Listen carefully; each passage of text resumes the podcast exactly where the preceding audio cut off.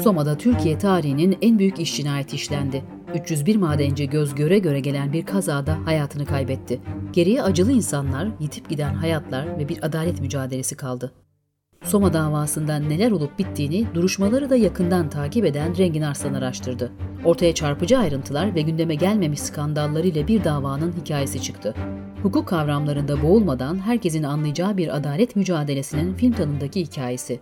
Rengin Arslan'ın hazırlayıp sunduğu podcast serisini dinlerken kendinizi bu adalet mücadelesinin içinde bulacaksınız. İyi dinlemeler.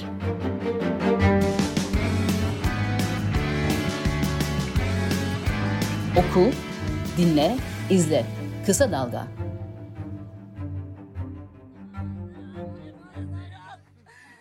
Anası yok, babası yok, kimsesi yok. Nerede? Nerede benim kocam? Soma'dan bu ses yükseldiğinde belki de dünyanın en uzun gecelerinden biri 13 Mayıs 2014'ün karanlığı sabaha varmıştı. Devlet Hastanesi'nin önünde okunan listelerde madenden çıkarılanlar arasında eşinin adını duyamayan bu kadın soruyordu. Benim kocam nerede? O sırada başka kadınlar, evlatlar, anne ve babalar morg haline getirilen soğuk hava depolarının önünde, maden ocağının ağzında, hastanelerde aynı soruyu soruyordu. Kocam, kardeşim, babam, oğlum nerede?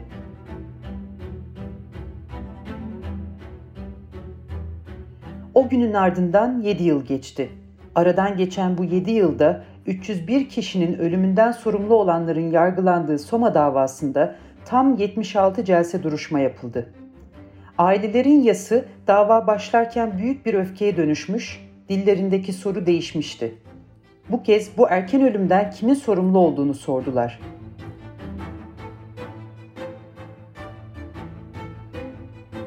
Ocağı işleten Soma Kömür İşletmelerinin Yönetim Kurulu Başkanı Can Gürkan dahil olmak üzere 45 kişi yargılandı. 2018 yılında mahkeme heyeti Soma Holding'in yönetim kurulu başkanı Alp Gürkan ve tutuksuz yargılanan 36 sanık için beraat kararı vermişti. Yargıtay 12. Ceza Dairesi Alp Gürkan'ın da aralarında bulunduğu 37 sanık hakkında verilen beraat kararlarını onadı. Can Gürkan'a ise basit taksirli ölüme neden olma suçundan verilen 15 yıl hapis cezasını bozdu.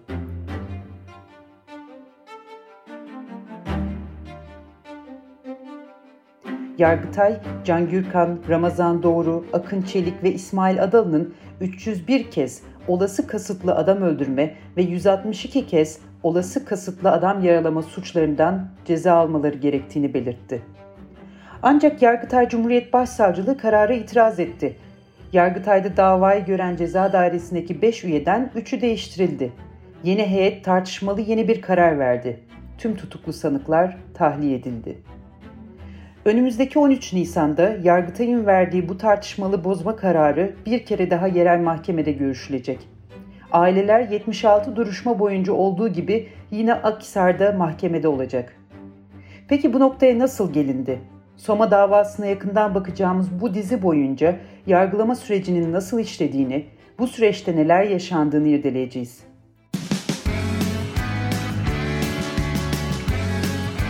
Oku, dinle, izle.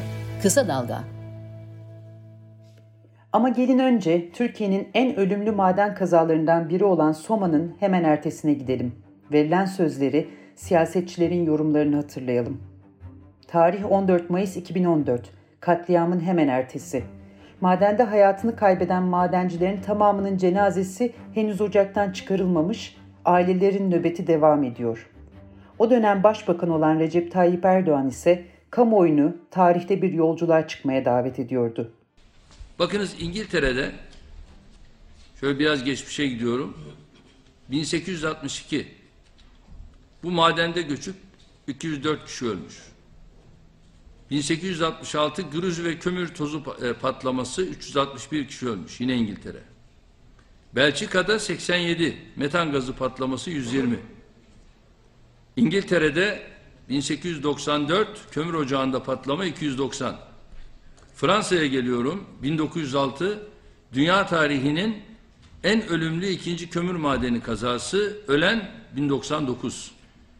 Yani biz Bir defa bu tür ocaklarda, kömür ocaklarında, madenlerde bu olanları lütfen buralarda hiç bu tür olaylar olmaz diye yorumlamayalım. Bunlar olağan şeylerdir. Bakın literatürde iş kazası denilen bir olay vardır. Bu sadece madenlerde olur diye bir şey yok. Başka işlerde de olur. iş kazası. Burada da olur. Ve bunun yapısında, fıtratında bunlar var. Hiç kaza olmayacak diye bir şey madenlerde yok. Başbakan Erdoğan rakamların gücüne sığınmış, insan canının sayısı üzerinden yaptığı kıyaslamayı da tıpkı ölümler gibi olağan saymıştı. Yine hemen katliamın ertesinde Soma Holding'in kurucusu Alp Gürkan kazadan duyduğu üzüntüyü dile getiriyor. Bu madenin Türkiye'nin en güvenli madenlerinden biri olduğunu söylüyordu. Bugün hayatımın en büyük elemini, en büyük ızdırabını yaşamış olduğum bu kazanın kazanın olmuş olduğu maden işletmesini Türkiye'nin en ileri düzeydeki teknolojik emniyetli madenler safhasında girmiş olmasının büyük mutluluğunu yaşıyor idim. Eşini Erdoğan Köse'yi 13 Mayıs'ta kaybeden Gülfidan Köse, madeni Alp Gürkan'ın iddia ettiğinden çok farklı anlatıyordu. Mesela bir ay rapor almıştı. Her yerleri kazarık içinde kalmıştı. Hani duramıyoruz derdi. Olduğu yer çok sıcak diye anlatırdı. Hatta bir, e, bir ay e, gitmemişti bile kızarıklıkları geçsin diye. Mesela o zamanki şartlarda diyelim atletli bir tane götürürken atlet iki taneye çıkmaya başladı. Bunlar bir yıl evvel hep belirtisiydi yani. Bunları söyleyip duruyordu yani eşim. Eşim de diyordu yani bir gün hani sıkıntı var bir gün bir şeyler olacak ama tabii böyle büyük bir şey olacakları aklımıza gelmiyordu yani. Madenden sağ kurtulan madenciler ise savcılık ifadelerinde Alp Gürkan'ın Türkiye'nin en güvenlisi dediği madendeki çalışma koşullarını ve kaza gününü şöyle tarif ediyor. Ben gaz maskesinin üst kapağını çıkardığımda her iki kapak arasında çok yoğun miktarda toz birikmiş olduğunu ve çok pis olduğunu ve kullanıma elverişsiz olduğunu gördüm. Bunun için gaz maskesini kullanamadım. Yanında bulunan toz maskelerini kullanmaya başladım. Bu da yeterli olmayınca mekanize ayakta bulunan olukların içine uzanarak tabanda bulunan demiri ağzıma alarak ve burnumu tıkayarak bu şekilde oksijen almaya çalıştım. Madende öncelik olarak iş güvenliği değil de çok daha fazla çalışma ve daha fazla kömür çıkarmaya ağırlık verilir. İşçiler üzerinde daha fazla iş çıkarma yönünde baskılar kurulur. İstenilen düzeyde iş çıkarılmadığı zaman bu konuyla ilgili tutanaklar tutulur. Hatta yevmiye kesimine kadar gidilir. 2009 yılından beri madende çalışan Serdar Fenercioğlu, savcının iş güvenliği mi, iş mi önceliği sorusuna şöyle yanıt veriyordu. Bana sormuş olduğunuz madende iş güvenliği mi yoksa iş mi öncelikli sorusuna benim verebileceğim yanıt kesinlikle madende öncelik iştir. İş güvenliği ve işçi sağlığı ikinci plandadır. İşçi eğer çalışırsa vardır, iş güvenliği de işin yürümesini sağlamak amaçlıdır. Biz müfettişleri görmezdik. Müfettişleri zaten her yere götürmezlerdi. Onların geleceğinden bizim 10-15 gün önce haberimiz olurdu. Müfettişler geleceği için her türlü tedbir öncesinden alınırdı. Kazadan kurtulan bir başka madenci Serkan Turan, madende insana verilen değeri şöyle anlatıyordu. İnsan nakil bantları nadir çalışırdı. İşçiler 4 kilometre yolu yürüyerek çıkardı. İşçiler yer altını terk etmesin diye açmazlardı. Ya da bozuk olduğu için kullanılmazdı. İş yerinde kömür nakliye bantları bozulduğunda hemen müdahale edilip tamir yapılırdı. Ama insan nakil bantları için bu durum geçerli değil. Genelde göz ardı edilirdi. Bir diğeri Hasan Hüseyin Keskin'in iddiaları ise üretim baskısının da ötesine geçiyordu. Amirlerden küfreden ve bağırıp çağıranlar oluyordu. İşçi olduğumuz için bir şey diyemiyorduk. Vardiya amirinin bir şal tercihi dövdüğünü gözümle gördüm. Bağımsız, objektif, kaliteli haber. Kısa Dalga Medya. İşçiler savcılık ifadelerinde madeni 13 Mayıs'ı anlatırken dönemin Enerji ve Tabi Kaynaklar Bakanı Taner Yıldız soruşturmanın hem özel hem kamuda ihmali olan herkese uzanacağını sözünü veriyordu. Bütün gerçekleriyle beraber ister kamu isterse özel sektör olsun ucu nereye dayanıyor olursa olsun bununla alakalı soruşturmalar dediğim gibi hem teknik açıdan hem e, idari açıdan e, hem de hukuki açıdan bunlar yapılacaktır. Peki bu sözler tutuldu mu? Sama davasında iş cinayetleri konusunda emsal bir karar çıktı mı? Madeni denetlemekten sorumlu kamu görevlileri bakanın söz verdiği gibi hesap vermeye çağrıldı mı? Tarih 13 Nisan 2015. Soma'nın dört bir yanından selaların yükseldiği, birbiri ardına mezarların kazıldığı o günlerin üzerinden bir yıl geçmişti. Hastane kapısında yakınlarının adlarını duymak için bekleyen aileler bu kez bir ağır ceza mahkemesinin önünde toplandılar. Adalet istiyorlardı. Kimi başlarına siyah tülbent bağlamış, kimi eşinin, babasının veya oğlunun resmini üzerine bastırdığı tişörtler giymiş, kimi üzerlerinde kaybettikleri yakınlarının ismi olan sarı baretler takmış. Türkiye kamuoyunun öğleme alay komutanı deyişiyle tanıdığı Kamil Kartal da en başından beri onlarla birlikteydi.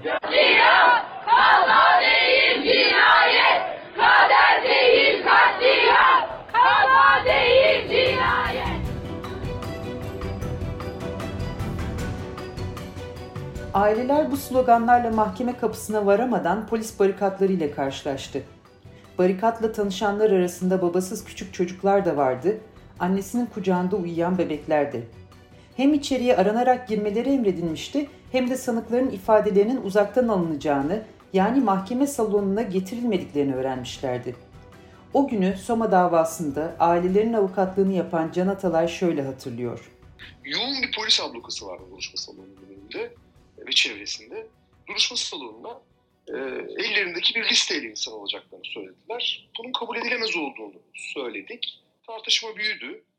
E, polis amirleri e, bize avukatlara müdahale etmeye e, yöneldiler. Aileler buna tepki gösterdiler ve e, bir değil, iki değil, üç kere polis barikatını açtılar. Bir sel olup duruşma salonuna girdiler ve e, çocuklarının, eşlerinin, babalarının e, ölümünden sorumlu olanların, katillerinin duruşma salonunda hazır edilmesi gerektiğini haykırdılar. Bu talepleri karşılık buldu da ertesi günkü duruşmada 8'i tutuklu 45 sanık mahkeme salonundaydı. İddianame okundu. Tutuklu 8 şüphelinin olası kasıtlı adam öldürme suçundan 301 kez 20 yıldan 25 yıla, neticesi sebebiyle ağırlaşmış yaralama 162 kez 2 yıldan 6 yıla kadar hapisle cezalandırılmaları isteniyordu. Tutuksuz 37 sanığın ise taksirle birden fazla kişinin ölümüyle birden fazla kişinin yaralanmasına sebep olma suçundan 2 yıldan 15 yıla kadar hapsi talep ediliyordu. Peki bu iddianame Soma'da facianın sorumlularını bulmak için doğru bir çerçeve çiziyor muydu?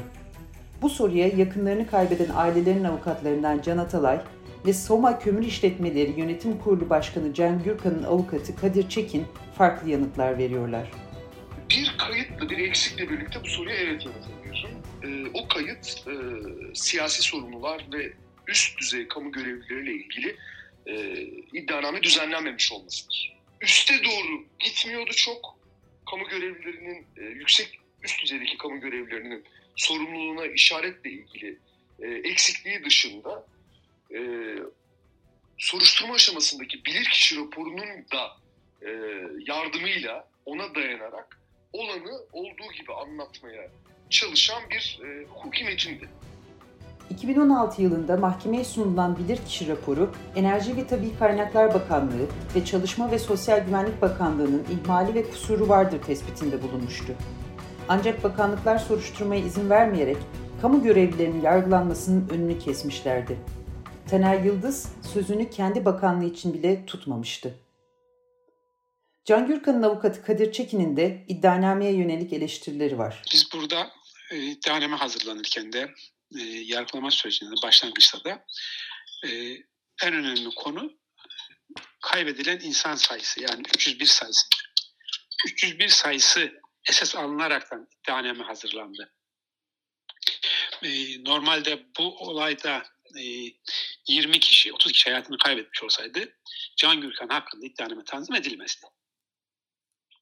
Bu hukuk gerçeği yani. O, iddianame hazırlanırken bilirkişi raporunu esas aldı. Üniversiteden 3 kişilik bilirkişi heyeti tayin etti. Bunlardan birisi dekandı. e, olay yerini görmeden ve e, mutlak surette sanıklara ya daha doğrusu o tarih itibariyle şüphelilere kusur izafe etmek için hazırlanan bir bilirkişi raporuydu. Biz bunu mahkemede çok net bir şekilde delilleriyle ortaya koyduk. Esaslı unsurlarından birisi de bu ocak diyor 2 Şubat'tan belli yanıyormuş. Yöneticiler bunu görüyormuş. Fakat ya, yanarsa yansın bir şey olmaz olursa da olsun demişler diyor.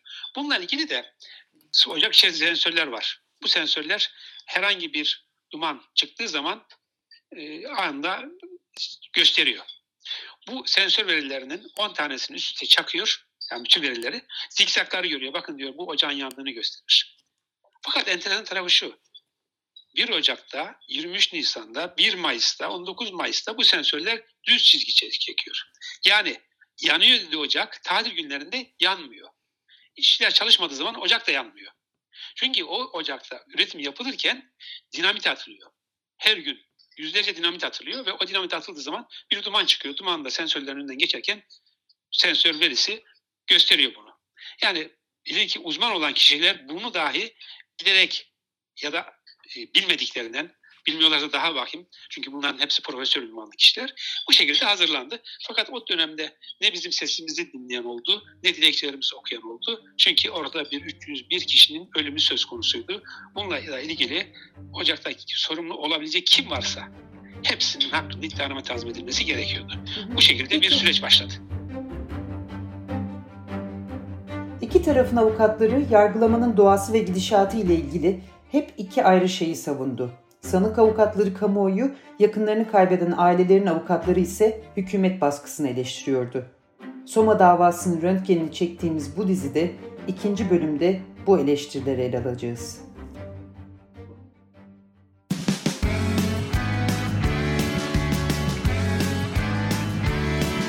Kulağınız bizde olsun. Kısa Dalga Podcast.